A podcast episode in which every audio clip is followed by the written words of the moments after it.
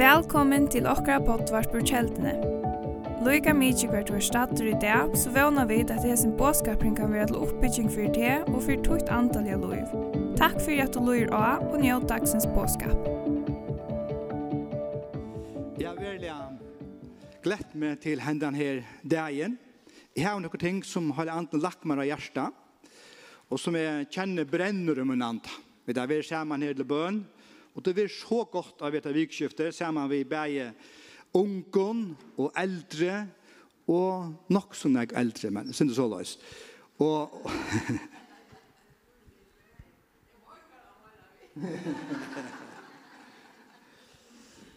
men Gud, han bruker oss med. Amen. Og så løs er Guds rydde sett sammen, at vi tar bruk for hver nøyre. Er ikke fantastisk? Halleluja. Og så kan jeg, og just ned, ta som herren, og at næra for løys gjør er gjerne klaran teknisk. Det er ikke fantastisk at vi kunne arbeide så løys, multitaska. Hva spør det til, oss? Det er en fantastisk nøy. Amen. Det er sørste sånn det, så vær jeg ikke her, ikke du ikke tomt jeg møte, det var til flere møter. Men det var i Danmark, skal jeg li hilse si. Amen.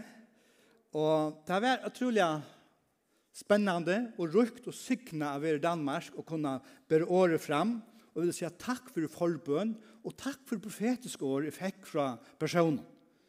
Først så kommer folk og så ringer eller skriver og sender meg akkurat, jeg kjenner Herren sier rett til. Og du tror ikke hvordan det er kvøytjant jeg får et år som bare bangas. Amen, herre, jeg bruk for jeg snær. Så er dyrast og nei. Så låt jeg like med sett sammen. Amen. Det er så fantastisk. Og så fikk jeg lov til å prate gøysene. Det her løyre konferansen var ute her som høyder sitt i kjeken, vi taster opp. Det er utrolig å ligge av ja? Og nesten tog jeg i Danmark. og det er en som heter Jensen. Det er utrolig, ass. Akkurat her som det gjør det. Som løyer og pastor her, bare. Og det er som nok avvært, det er sånn Mikael Jensen som er pastor her. Han var her i sommer for å bo og vidtja i okken, og jeg visste ikke autoi, vi kjente han ikke, jeg omgang møtte noen æren, Så aftan han møtte, møtte jo noen her. Og det var nok så avverst i han og en annan var kommer opp til fyrrjær, og da ville gjerne vidja samkomna kjeltene, og jeg visste at, at jeg skulle komme nye øyne og være vi her til løyerkonferansen. Og, og det som er avverst, og han bjør meg velkommen, sitte i keken, sitte i keken, kjære Jesus, sitte i, sitt church, ok. så, så, lukka som, lei han ut til at han kom her og møte, og han kjente ångan, så kom han inn og han meste bæra en, en velkomst som var iverveldende, om man skal bruke det året. og det er fantastisk, så presenterer han åkken da vi var her på en, kom i kjeltene, så opplevde han det her, hvor så fantastisk å komme inn, og ikke kjente han, men velkomsten han fikk, og, og maten han sa, samkom luver. Og så sier han, så kom han inn og møte, og låser han til noen, og så sier han her, og han suttet, bøtten, ung og eldre, prysherren og sammen, og onke mamma hei bøtten i fauningen og dansa i. Ta for han ordla, wow! Så gau mamma danser vi bøtten. For det taler så kraftfullt, a sudja hetta luivi av attarlinum som det ikkje opplevde her på samme måte. Det vil si a komme her og bara være her var, han sier, han sier ved meg, det er det mest effektbursjura, at lun er bare egløya. Det er akkurat som å få en opplæring i till pastoral og i alloja samkommet. Så det er fantastisk at Gud brukar och at mennesker bare kommer inn og uppleva disse nøyene. Takk og samkommet vi kunne standa sammen og bygge. Halleluja, halleluja. Det er fantastisk. Og Hva er klokka? Ja, nei, jeg bare synes vi toger. Jeg stod i hva som skulle bli jassen lukket å komme opp. Vil jeg det så tjene? Ja. Ja, jeg er til hvert mikrofonen her. Kom opp her, en lykke og si halsen her fra hvordan du opplevde av er her, samtidig som vi finner lov til å tjene her. Sammen øsene. Mer og koner åkta. Det er fantastisk den der sammen. Hei tid. Ja, det var, det var veldig spesielt der nere. Og, og, og jeg kjenner øsene hvordan, hvordan god brukte Paul han nere. Og Jeg vet ikke hvor jeg berørt, men jo, det tog jeg at Guds nærvær var så ræstersk. Og vi kjenner, vi kjenner det at det er en åpen hår for åkken. Ikke bare for åkken, men åkken som samkom, Og det er det som vi gjør, at det gjør vi sammen vi åkken. Og, og det er utrolig enn jeg samkommer i Danmark som strøyest og Danmark er så tatt på åkken. Og ehm eh så samkomnar som var omboar til et til leier her ehm hesa leier konferansen. Nekkar at har uppleva split og nekkar avlangar er hva split gjør. Eh sorg chamanishon miss og mangel av atterlig. Til urslit av splitt. Til det ble sånn jeg skuffet i mennesker. Og da, da så vi så tatt på. Og vi, vi så og, og kjente en sorg i mennesker. Um, og, og et nøyere opp til åkken kunne hjelpe åkken. Og jeg husker om dette verset som stender i Apostelsønnen 16, 19, her stender «Kom iver til Makedonia og hjelpe okken, og hade runka i og mer til, og ble vi runka i og okken til at kom nye og hjelpe okken. Vi tar sånn ekv. Og det er fantastisk at vi kunne så her, men det er også fantastisk at vi kunne så ærestand, at vi kunne være vidt til at så ærestand. Så det er en drattor til sæler jeg djeva enn å få. Og det opplevde vi dørlig. At god han bare kom i sine nerver og Og det bør være så takksom i min hjerte. hjärsta i kjelleren av oss ned. fire okkara samkommer. fire lukka som tann stabiliteten som vi da har haft og sånn jeg kvar. Og hvordan herren vil løyt okkara og gjøkken alle sa tøyene. Um, og øsne takksom for ta tøyene som vi stand til akkurat nå. Atterlin som vi da har hørt sånne gang. Det er så tøytning av meg at vi bygger atterlin. Atterlin Og det som vi sutja nu og isne, den vekkingen som vi hava mittel nokkar unko, bygger vi hava vekking kærboint. Det er vekking mittel nokkar unko. Hvis vi sama lukna vi nekvar er samkom som strujas nir, så hava vi, så er vi til ujan er. Og let okon virkelig omfavna atterlige, atterlige i okkom, okon, öll atterlige. Det er, det er så fantastiskt. Men vi upplever slett det er en spennende tog på alle at Herren han drever oss og, og, og god brukte virkelig Paula til å tale inn i menneskens liv til at vi profetskon åren og vi grøying og det var så nek som opplevde Guds nærvær. Vi kunne nesten føle henne. Det var så hungrande det var så tilstand etter bare at, at oppleve at Gud vidtje det etter og at komme videre og at, at, at bytja Guds rydtje Amen. Amen. Ska skriva. Amen. Tack Jesus. Halleluja, halleluja, halleluja. Amen. Fantastiskt. God gjør nekka, og god brukar okkon. Jeg bare lykka tøk og av vi så stand og heima søgne, vi alltid kun hitje etter. Og da er hukks jo om at vi er om et sted som Østene skal være vidt til å få hentan eld ut i farja landet, så kanskje manglar okkur til på her at Ikke bare fra landet, men utom landåttene. Og det er det som Mikael, pastoren, opplevde bare å komme for bojer til åtte møte. Han merkte etter vekinga løyve. Og det kommer ikke ungen, det kommer ikke noen løyer, det kommer av vid sammen, tista etter hånden, og så forløyser vi nær, nærværende, og andans løyve sammen, til Guds likam, til EU2. Amen. Det er fantastisk. Og Jeg har lukket som sett som en iverskrift som du kjenner attor, er styrkja til som er, og så sier jeg, jeg hørsta fyrr, amen. Det tog jeg at det er sånne ting som vi skulle sige fløyre fyrr, for vi skulle fenga at Gud vil si okkur, vi okkur. Og i bibelvers sier her point, og Paulus sier det så løys, Og vi sendte Timotheus, la Timotheus, bror okkara, og tænare Guds evangelie, kryssar, at styrkja tikkun og amena tikkun om trygg tikkara. Hetta var det han sendte denne Timotheus av sted til Thessalonik og samkomna. A styrstja, a vita hva som gikk. Da ligger nok uisen her, a kunne vi kvøytja, styrstja og djeva nekka. Og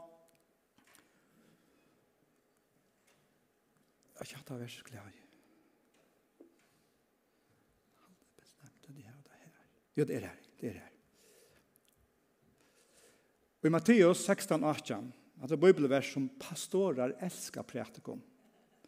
Det heter er först och för att Jesus nämner år samkomma eller kyrkjo och i hans här virke. det först och för, allt kyrkjo. Eller Guds säger, det har inte nämnt så ofta av Jesus. Och han säger här, utfra till sammanhänge, hver han spyr Petor, kvön sier tid med vera, så leser fram han undan. Og Petor viser å Jesus, du er Kristus, son i livande gods. Og så sier Jesus vi han, det er ikke blå og hold som er oppenbæret av dette, men feie munn som himmelig er. Og så sier han, utra som versen er, og så sier Øysnet her, «Tu ert Petor, og jeg som klette skal jeg bytja samkom og munna». Det vil si, Petor sjolver er ikke kletteren, men utra oppenberingen Petor hei av Jesus, så tåser han om den kletten som Kristus er, og Petor som pastor er bytjeversen om. Og da sender Øysen Brown om dette, at vi er livande støyner, jeg og to, som bygja, og Kristus er hjørnastøyner, eller han er hodnastøyneren. Og det er området vi skiljer til her, at hvis det skulle bygd av Peter som person, så helt ikke lunge. Men Peter er en oppenbering av at Kristus, han er sonet livande gods, det er han som er byggeverset, han er høttig av samkommet løvene. Og han sier, utrøst ned, sier Jesus, vil jeg bygge samkommet møyna. Ikke tøyna eller myna, men søyna samkommer. Og så sier han, det er ikke postor, eller vi kunne sagt, djevelen og hans herre velte for ikke kraft eller syr av samkommene. Sært dere så tøyende er at vi får fætter i at bygge Guds samkomme Guds kyrkje sammen til at det er et kraftarversk her å gjøre åttan lykke. Jeg skriver meg nye, sier så i mannen åttan lykke til et kraftarversk her å gjøre som ikke er neka større. Du har kraftarversk av tås om elframløslo, så har du turbiner som, som fører el inn i, kan man säga, malratta ting, så det gjør streimelsar og så vujere, så vujere. Hette er et kraftarversk som løser himmelen her å gjøre, her djevelen ikke valg til å Han misser det. Og tog jeg bruk for jeg skilje og fæta at samkommer lov til at bytja til det er så tøyande og at hele anden vil mer enn nek anna vera vi og som bytja verskje. Kraftar anden vil vera vi. Vi talte øyelig ofta at det kommer samkommer så er kraftar anden vekk. Det er her og han virskar. Nek mer til jeg ta fer samkommer liv er to og, og, og bliva mer virkjen og hava større avvirskan og i som vi nu gjerra og stand om. Og så hugsa jeg, så språta jeg, jeg har sagt det før alltid, så språta jeg, jeg, jeg hugsa om kraftversk, men her står kraftaversk, og det som er ond, og hadde stått til å lese språta han om det der, da der skulle lysa kraftaversk, så står så løs, under, etla, under, etter at anden var kommet i vittar, gjør det for mange kraftarversk. Hver språten vi gjerra fra? Hadde det han under etter at anden var kommet i vittar, lærer han her, og da gjør det mange kraftaversk. Så språten brukar øysene bibelsk uttrykk til å lyse et år, og hver finner det det best, og i Guds år. Og at det er samkommet løyve, kraftarversk som er to er parstri av. Jeg hadde så fantastisk, så fantastisk. Og i sørste vi går, så tar seg bygg vi om hette er vetingene, kunne vi vid skapene vetting, og da fører jeg den høtte jeg nekken, og da brekker vi enn, ja, men vi gavast og to, altså, kunne vi ta. Og, og, og det er nekva definasjoner av vekking og liv. Og, fløy, og, og det er alle gavar. Og samtidig halt er at det er så områdende at vi ikke bare sitter av stålen og bøyer etter henne. Det er veldig områdende at Gud hever uthelt av andre søgnet. Han hever. Og da vi får fætter oss ned, så færer vi opp at surfa. Og det tog jeg til tøkes av myndene her. Jeg har alltid vært øyelig fascineret av, av, av surfing. surfing Jeg sa det nærkere for Spania, da vi da veri her, bort utenfor sommer sommerhuset, tja. Det var med ord, så er et såret sted her der man kan lære å surfa. Jeg ble ofte vært her og hytje etter døgnet. Og hytje etter alt og noen. Ofte også, åh, jeg vil være her. Og jeg atla meg ofte, og jeg var ikke mye på å bli for gammel og kjøtt, men kanskje en dag så kom jeg hjemme og sier, nå har vi prøvd det. Men det her surfene, det her var så surfingbrettet, det er øyde faktisk brimfjøl av føreskånd. Jeg måtte ikke skilta. brimfjøl. Det det er faktisk veldig godt hvis du husker om brimfjøl. Det är ju det som man skrøyer av och gör ni allt. Så er det är her som surfa. Jag har ikke haft det fremme for tar lära sig att bruka sig brimfjølene för å kunna stande av henne ta i allt han kommer. Och jag har ofte huxa alt den själva kunna surfa när inte skapa. Han kommer av kan man si, av tog at han brøyder inn. Men surfaner kunne suttje altene, og hvis han lærer seg å bruke etter brett rett, så kunne han fære oppe på altene ved en teknikk som man skal lære. Og jeg minnes da jeg sa disse her undervisningen nere i fjøren, det var en, en film som var og en undervist. Så sa jeg at jeg lov av sanden og av bretten og lukket som tenkte, det ser fjollet ut. Men altså, de måtte først lære hvordan man skulle placerar man sig av bretten ska man vara attrig eller framme och gå så näka. Och ta gör det sant om någon först.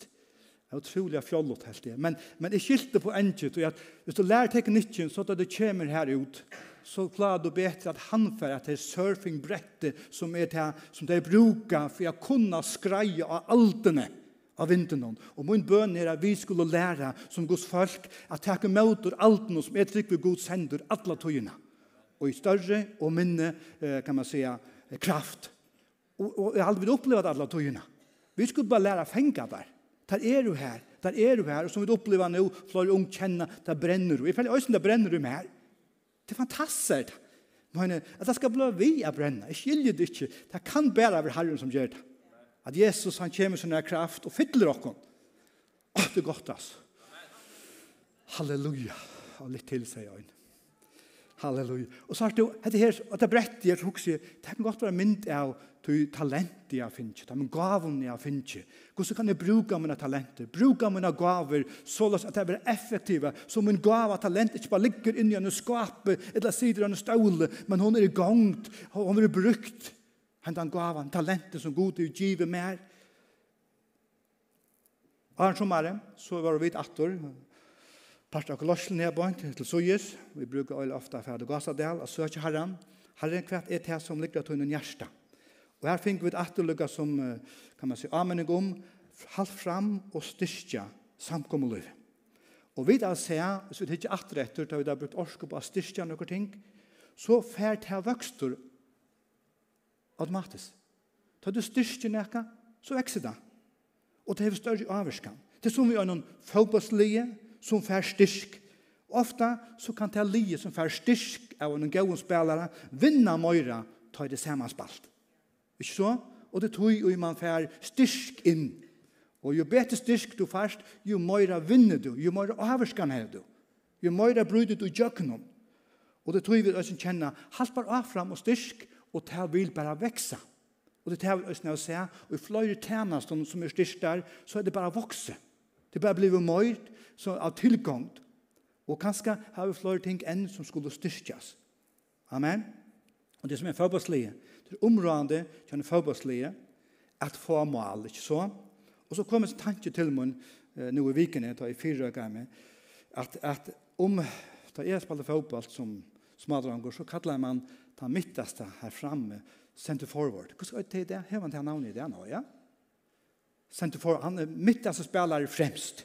Det är ofta han som skårer mest mål, ofta. Inte alltid, men tar jag fram. Jag spelade ju öle ofta här framme. Jeg var ofta vinstrevånker, var inte kui. Och jeg fick också mål till Eva Smadranker. Yes. Nu er det längst sedan och surska eller lykke hals å säga. Men, men, men, men etter her, gjør gör ofta en mindre av øyne. Hur kunde vi andaliga bytja Guds rujtje, bytja, Guds samkommet, har vi brukar i myska mindre taler. Det hjelper oss att skilja näkan som øysen da vi tar som surfing gjerra, ta hjelp brokken å fæta, oja, lær jeg bruka det betre, jo mer kan jeg være av altene som god sender okkene, og det er det som er området. Og, og tog er det at, at jo, sånne midtspilleren, han får malen, jeg der, og med sånne midtspilleren, og øyn, i øynene, så fikk tudje mal. Wow. Det er ikke ofte det få det, men huxa der, og han fikk det. Men det som så hendte i samme distet, det var at Malmauren lagt inn ett mal. Heldig du at man fra minna så øyla vel det tog malen som vikmannen fikk? Tar tapt då? Tar du, det tog området at alt li, alt høyme spiller sammen. Du hever en, kan man säga, størst, en størska verjo, størska mio og størska eh, framspillare. Tog at man så blir vi størsk og vi vinna. Det nyttar ikke til det fremste for etlen av tutsi mal, og mal man letter inn etlen mal. Det har tapt du. Og jeg tykker vi etter Øystein Båskap til åkken, hvordan kunne vi til saman, eh, arbeida størst saman. Og et annet som Øystein, har mynt i åkken da vi var saman og søkte herren, og jo, vi, du har åkken hos Paulus, hvor tåst du bare med eldre, enn yngre atterlig. Herre mynt i åkken Øystein, jo eldre atterlig. Onker eldre sier halleluja. Så er du, vi skulle alt spela sammen. Vi er alt tøyende. Og, og la meg bare kaste dette ut, og så vi kjente at det er øyne tøy i det, at kunne vi kjipa, kan man sige, arbeid for de eldre. Kunne vi ha en tjenest som øyder, nå har vi skrivet eldre tjenest, jeg vet ikke senior tjenas, jeg vet ikke hva, men, men vi da tåsa av nøkker som brenner for hvordan kunne vi øysene tjena dømmen eldre, du teg bliva fløyre i øysene her. Og takk og lov for teg, teg vi undangav folk. Skal vi se noen eldre en klapp? Takk til eldre. Amen. Fantastisk. Fantastisk. Og til er som er 98 pluss. da er i 8 pluss. Halleluja. Man kommer på, men så er det løyve. Og tog er det sier, kanskje anker her inne brenna for tog, kunne vi gjøre noe som øsne er vidlatt noa, og her vid styrke, og her er øsne ikke dette oppe i middelen. Og noen har langt sagt at jeg vil gjerne gjøre noe som øsne kan være vidt til at styrke, styrke, til tjener seg innenfor eldre atterlig. Og om du brenner på at jeg tar over vi i omkron, kanskje gjør noen tiltøk anker du, kanskje vidgjønner til henne, så et eller annet som gjør at vi, at vi, at vi fenger, at vi ikke misser deg. At de, de er, er, er, de er så tojant. de er så virus mye, så gjør meg gjerne signal eller simma fra, eller skriva til meg, et eller annet, Pauli, jeg har nekka oss ned. Så kunne vi samla sammen, og prøve ut om vi ikke kunne kanalisere henne her, her inn i turbiner, så det blir effektivt. Amen. Då kyler hver gjerne. Men samtidig som vi øysene er øysene er, gosse kunne vi øysene framhaldande arbeida vi, er vi det menna, øysene okkara atterlig og til yngre øysene. Og her er en ivskrift som er damer øyla vel. De unge er okkara styrke, og ikke okkara utskiftare. Hvart må vi eldre, ja, nå kvar jeg mer på i, Yes, pappa, hjelp. Vi kvart så må vi eldre huksa at de unge er det okkara styrke. Prøv å få dette her inne til liv til okkara styrke, og ikke lika som okkara utskiftare her vi ble skift ut og bara flott til suyes. Du vet kvarst, så kunne vi strujas vi til, å, nå kommer det unge inn, og nå vil jeg bare skifte ut, og ikke ser med meg. Det er ikke så løs god atlata, til god vil bytja samkommeluiv i atali. Og tog er unge okkara styrke. Jeg skal komme nå, det er må morgen. Okkara styrke, tog jeg tar vi få ung inn, så er det nødje hermen som vi får inn av banen. Det er så som vi må sutja. Sutja det. At ung er nødje, nu bruker jeg militær uttrykk, hermen, eller strusmenn, eller spelare som kommer inn av banen. Og tar det området vi kan huksa, kunne vi suttje okken som samkommer løy, at det er flere lø av løstel og løyaren som arbeider saman og tjener herren saman om så mot tøy, det vil si søy om søy. Jeg tykker det ligger nok ute kunne vi suttja til fire okken, så vi ikke suttja at vi må bli skift ut, sett til søyes, men vi samstarva.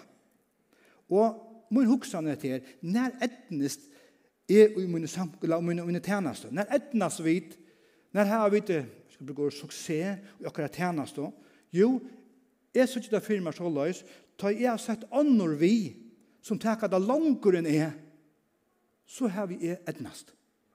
Prøv også det jøkken. Da jeg har sett ånder vi, og du som er nå er donald talent i havet, og jeg finner, og jeg finner ærer talenter, da jeg har sett ånder vi, da jeg finner sett ånder vi som fører langere enn jeg, takene sier herre, nå halte jeg et nest. Nå er det akkurat som viser å at dette rikker. Det vi kvarst, så halda vi, ja, men jeg lov i ången inn av min bana, og så at da dør vi mer, og ikke sider etter. Ta det søva. Her ikke etter. Men ta jeg kunne sett ånder vi, ta vi eldre huksa så, til som hever en oppgave, til som hever okkur, til får sett ånder vi, og ta for langkur, ta hever to lukkas, ta trygg vi for høyre, ta var velgjørst og trygg vi, og gau tænaren vår, to verst, trofast trofastor, tryggvor i til øynet av lentene. Og du gav deg møyr, og gav deg møyr. Du gav deg vi gjør. Du omsetter deg. Og i andre mennesker. Det trygg vi er ligger ut i av vi få styrst det som god vil bytje her og gjør, syna samkommet. Jeg vet som atterlig arbeider sammen. Jeg vet at jeg kan jeg bli en slags venjere. Coach for en annan så løs at det kommer fløyre inn av banan som vi har sett vi.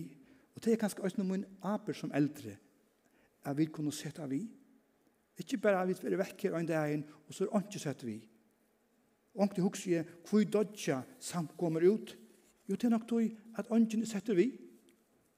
Man bærer på det selv, selvfor, inntil man får herifra, og ånden var setter vi. Så vil samkomløyve dødja ut, tog at det er yngre at det er. Ikke slapp og kom inn av banan. Og det skulle vi samstarve om. Det vil si de unge unge atali er ikke her for at trusta eller skumpa det ut, men at trusta eller skumpa det opp. Kunne vi, kunne vi fætre oss ned? At vi kunne sutja til yngre atali som ikke skumpa, og til unge, unge atali skal huksa så løs. Hvordan kan jeg trusta til eldre opp? Ikke ut, men opp. Og jeg vil si at siden jeg har opplevd at, at Bikvi er kommet inn, som et yngre atali av meg selv, så har jeg kjent at jeg er skumpa opp. Amen. Vi, vi er samstarva, vi, vi, vi, vi arbeider vel sammen. Jeg kjenner at, at det er litt mye opp. Dette yngre atali, det vil alltid bjø åkne av. Vi slipper undan det de vil alltid bjå okkene av, til de har noen ting, de huksa frukst og synd og moderne, og så kan de huksa, ja, men vi er omgang til å så løs, det blir ikke til. Hvordan kan de åpne opp? Kanskje er nekka som vi også skulle takke inn og i tryne vi nå er ui, og det er effektivt. Tog er det sier, i halte at jeg har lært meg skumpa opp. Jeg har ikke lært meg skumpa ut. Men samståndes er det verken, herre, hver løy du med. I ånke du, har med hus, i stovene, så er det godt at ommøblere. Ikke? Som jeg elsker det, gjør de høylån. Det er ommøblere her og der, jeg bruker så sånne ting at Det er frukst. Det kan godt være vi tjener så løy, vi kattler okkara, vi er ommøblere i ånke du. Det gjør han ikke. Ikke være bensjen for du. Hvis det kan gjøre tingene bære vekrere, finere og mer innbjørende, ja, hva så, så nek vunnet. Amen. Anker flemme morgen, anker annar. anker langa er søgna. Haste to. Haste to. Men, men det er såleis øyne vi, ut oss om samkom og løy, og vi kan si at det vi bytja godt samkom. At vi vil skumpa i opp. Halleluja. Og så har vi et uttrykk her som jeg får bruka nå, det unge vita fløyadamen, det som heter The Bench. Og det er nekket som heter Bankurin. Måte sunnkja til Bankurin, og ikke så såles. Bankurin i fagbalte, han er sera tøyant. Ikke det jeg vet alt, men jeg spyrir meg fire og jeg leser sin på. Det er så lenge siden jeg har spalt, og jeg er ikke sånn inn i fagbalte det som er fyrir. Men jeg fylgjer sin vi. Og bankurin, har jeg funnet det av. Han er også tøyende for et li. Og veldig ofte til li som er vinnende, de har en sterkan bank. Avverst, ha? Det er ganske seks tjei som er tidsen vi av banken til det skulle løyke en dist. Og det er veldig ofte spelare som er gauver, som er vi av banken. Som er donalir. Og så huksa jeg, jeg vet ikke hva de kjenner, jeg kjenner bare tvøyr her, som sitter av banken her, og tar er heimskjenter. Men der sitter av banken her. Det er utroligt. Her har vi Messi som unge maver. Han begynner i sin karriere nok og i sin bontjene. Ikke så? Og her har vi Ronaldo. Ronaldo, jo, som sitter av bontjene. Her er det midt i omkring kappen hver han ble setter ut av bontjene. Og alle fotbollspelare tar kun ikke tåla bontjen. Tog at det er som man vil inn av banan og spela. Men bonkeren hever en tutning Og jo betre bonkren er, sterskar er et li ofta. Større avvirskan er et li. Og jeg slapp av vi, la suttja, forbåsesen til Kaoi, når du målte i havn. Jeg fikk av vi, og takk for det. Så det gjør det meg så godt. Jeg har sitt akkurat vi som båskap noen, hesa tøyene, så slapp jeg et eggløy en dist, som var så høven støye. Og hva er et eggløy i øsene? I eggløy det bansjen. Ikke tøy, det var ikke det jeg hukte etter tøyene. Men det er også til å sudja gos i kaoi hei ein venjara som vant det bontjen mest som under Atlantisten. Tanke det er helt utrolig. Disse spillerne genga søylinja, renna og hoppa og gjør øvelser og hva var det.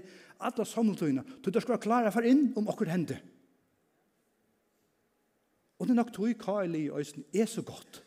Er så donalit du bankeren er sterskur. Og bankeren er aktivur. Nå var det ikke hva tikkun for en av beste spelaren nekran du som er vår som er syden nekva bonk onkur void en normaur void nekkar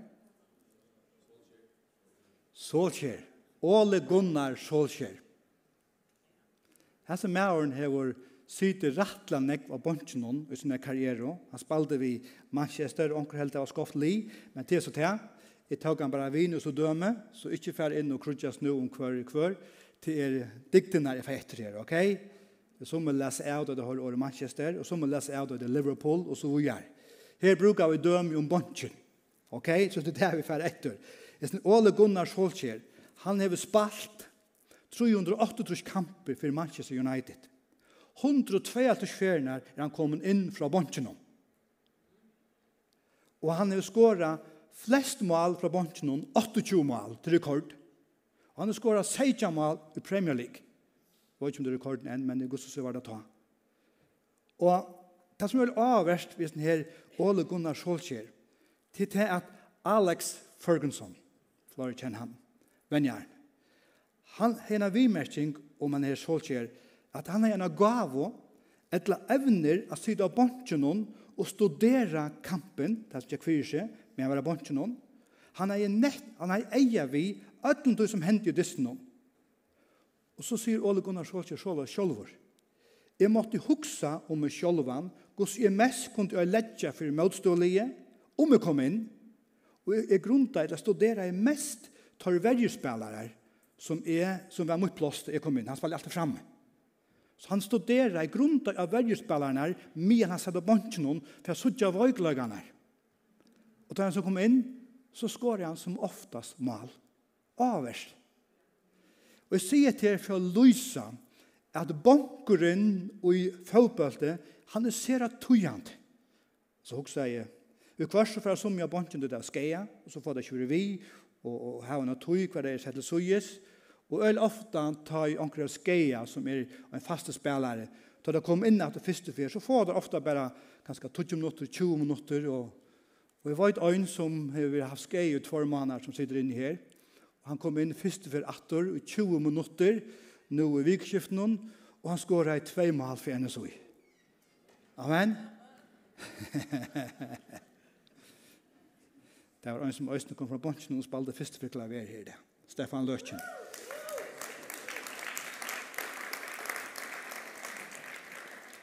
Så er det jo bankeren er tøyan. Jeg sier alt det til for at du skal skilja. Kunne vi suttja bonken atter i de andalige husene? Det kunne vi godt. Til just hetta som vi skulle lære av da vi tåsa om fotbollt, hvordan kunne vi, hvordan kunne vi arbeide vi at styrstja eh, løyarar, til alle fotballspillere av banken ofta som unger. Og hvis du halde ut, ikke missa møte av vennen, så kommer det her at det blir kjendur som et eller Messi og Ronaldo og, og Øysne og Gunnar, Solskjær. Tog at du tar heldig ut, heldig av fram, selv om det var en test av bantjen og syd av bonchen.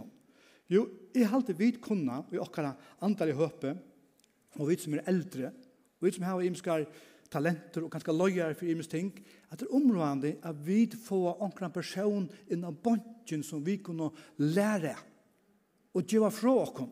Meine, tu som erst i, i Los Angeles, du er donale gittaspillere, meine, om du først herifra, og ungen setter vi, ja, men så, så dør det. Kan du sette omkran vi til å spille gitar? Ikke sånn det som at, oi, så vil jeg utskifte av en affær. Sånn det som at en investering har to djever nakka fra der. Og kanskje da vi har flere tøymer, så kunne vi skiftes, og så kan kanskje kvile onkedøy. Og her er det kanskje uh, tre tøymer, så kan kanskje onkedøy okkur for ut at han er stendes. Så er det som en møveløyke at vi kunne menna. Og, og det som er av verst, det er at det hender langt her i samkommende. Det er flere som er vidt at menna inkri. Onkedøy så er her atre, her sier det unge dronjer og lærte opp til å bruke anbøyene. Og det er just dette som gjør styrke i samkommeløyve, er vi da flere som kommer inn og vil ha bygd opp og kunne avvirke. I badenarbeidene, og i ungdomsarbeidene, i ungdomsarbeidene har det en lorslo, og så har det også ofte underlorslo, det er menna langt og nudjar, yngre løyer her. Det blir en sterske banker, som da i tøyen er, så kan godt være å skifte ved roi eller utskifting, om ein dette fra, ja, men så avvirskar det ikkje, til ein kjem fra bonsen som er lykka donaligur. Amen. Et anker fer skeia, fer et anker nøren, og en løren som vi får av i kvarst, ja, men så er vi styrst vi nudjun spelar, nudjun falskje som er klar til at trakke nøyta, og så skulle vi menna og bytja og en sterska samkomma. Og det er alltid vi til hava, haft en negva og størst låsanstøymi her fantastisk, som du var utrolig vel. Og, og her er det tog, tykker jeg, at vi det var folk som har holdt andre ut trofast, har arbeidt vidt du. og, og i sommer så var en lovsangstøyme, tykker vi, og i ta, jeg vet ikke om jeg kallar det så løs, det er utvalgt landslig av Tynstrid, kunne vi si. Og at det er landslige lovsangstøyme av Tynstrid, har vært flest spelare utvalgte ut kjeldene. Nu kunne vi kanskje også, oi, ikke kommer vidt. Slett ikke. Vi kan bare skjønne det som, det er fantastisk at det er personer som er så donalige at det blir utvalgt til dette landslig av Tynstrid. Og flere ånder som var vi i forskjellige oppgaven av sånne her landslinjen. Og flest spillere av sånne her tøymenon var jo kjeldene. Det var sånne ånder. Men flest her, og så kunne vi også, wow, har vi kunnet vite bygge nok opp av Gustav og Nøye. Jeg vet ikke om nekker av nye spilleren om hvor vi er via og tinsitt er det her. Flore er det. Jeg kunne ikke røyse at jeg kunne opplukker sånn at jeg kunne øyne anker som, som passer i anker telt og, og forskjellig. Jeg kunne ikke røyse at jeg kunne opplukker sånn at jeg kunne. til som våre via tøymen og landslivet og tinsitt. Og så har man det her og anker andre øyne her. Yes. Jeg kan gjøre noe med klapp. Her er vi anker røyse. Jeg var øyne. Fantastisk. Her er sikten til Vi er stolte av dere. Ikke så at vi er og hukk med vi, men fantastisk at vi kunne sudja personer og brukter av stål og nøye. Rundt om. Vi er et sted her, ikke bare andans liv her, men det er ut og domfølger. Da må vi brøyde oss inn til reservasjoner. Vi må legge at rett, sier det så løs. Det er ikke fantastisk. Og samtidig så kan jeg si til at at det er området at vi tar øyne her en gåan bonk, tar i ånder fer ut så la seg virkstand etter her, og alt dette nye fire. Og tog ble arbeid av tøymon som kom inn, at de arbeid vi at styrkja bontjen, så at de merkes ikke om nøkker færa. Hugsa der vi samkommer kyrkjer som leta søgne færa sted, og åndkjer etter høyma. Hugsa om det. Det tog jeg sier. Gav oss tid, fa, fa personer av bontjen som du menner. Så knapplega så kunne vi drøkka og strekja okkon negg langer. Og det gjør at vi blir sterk sammen. Det gjør at vi også kunne nå nek langer som gode kattler kom til. Vi får at dreie land nå klokka noen nek. Vi får bia fyrt ham kjøtt. Men en tekst der sier nok nek. Ræfest her som er tøtninga mykje, eller tøyande, og ikke bare det som er imponerande, størfinje og hodtakande. Og grunnen til å si til at vi er veldig ofte frøsta i ta et okkur størfing, stora støvner, og vi tar påskastøvner og sånne, så det er her vi vil være, det er sass så vel. Men det som er området til det er at vi først og fremst rettest det som er tøyande. Og gjør vi det her, så styrker vi det som er det lokale. Akkurat som så styrkja vid til fotbollslige. Grunnen til at Øyen blir valgt ut i landslige, til at han kommer fra en god lokal fele, han finner venjeng, opplæring, og en venjer skjer landslige noen hæsen i kaj, eller hæsen i skala, eller hva det skal være. Han vil tydje vi i landslige. Vi kommer at han ikke vil tydje vi, så han ikke vil en lokal lie. Han har ikke haft venjeng, han har ikke haft det som skulle til, og tog ble vi kommer at det kanskje ikke tydje vi. Det kan være, men oftast ikke. Tog at det lokala gjør at man er venning. Og jeg ser, vi har spillere, for ikke jeg nøvn, som har vært vi, men så knapt hadde det ikke li, ikke lokalfele, og så var det bare tikkene vi først av bunchen. Det er det som kan hente. Og jeg bruker bare som en døme, det er ikke pura fyra kanta, men det gjør nækka at vi til styrkja og arbeider vi til lokala, så vi øyne kunne, kan man si, arbeider vi til og kunne være vi til størfingene. Det vil si, jo sterkare og bättre vid arbeider vi tog som er, er, det som er, er viktig, jo mer kan du komme inn i det større fingene. Det som er, kan man si, imponerande, hotekant. Amen. Og det er det som jeg tykker vi er ui nå. Vi sutja det er i gang. Det er slett ikke noe nytt for oss. Vi er ui det lunge. Men jeg, jeg tar seg det ut, for jeg har fått at halt av framvis ned. Det gjør oss større og sterkare, og vi nåa langer ut. Nek langer ut. Amen at vi brukar det som Gud giv i okkon på kan man säga det som Gud her som Gud sett okkon at virka. Amen. Og det gjør alla månen. Amen.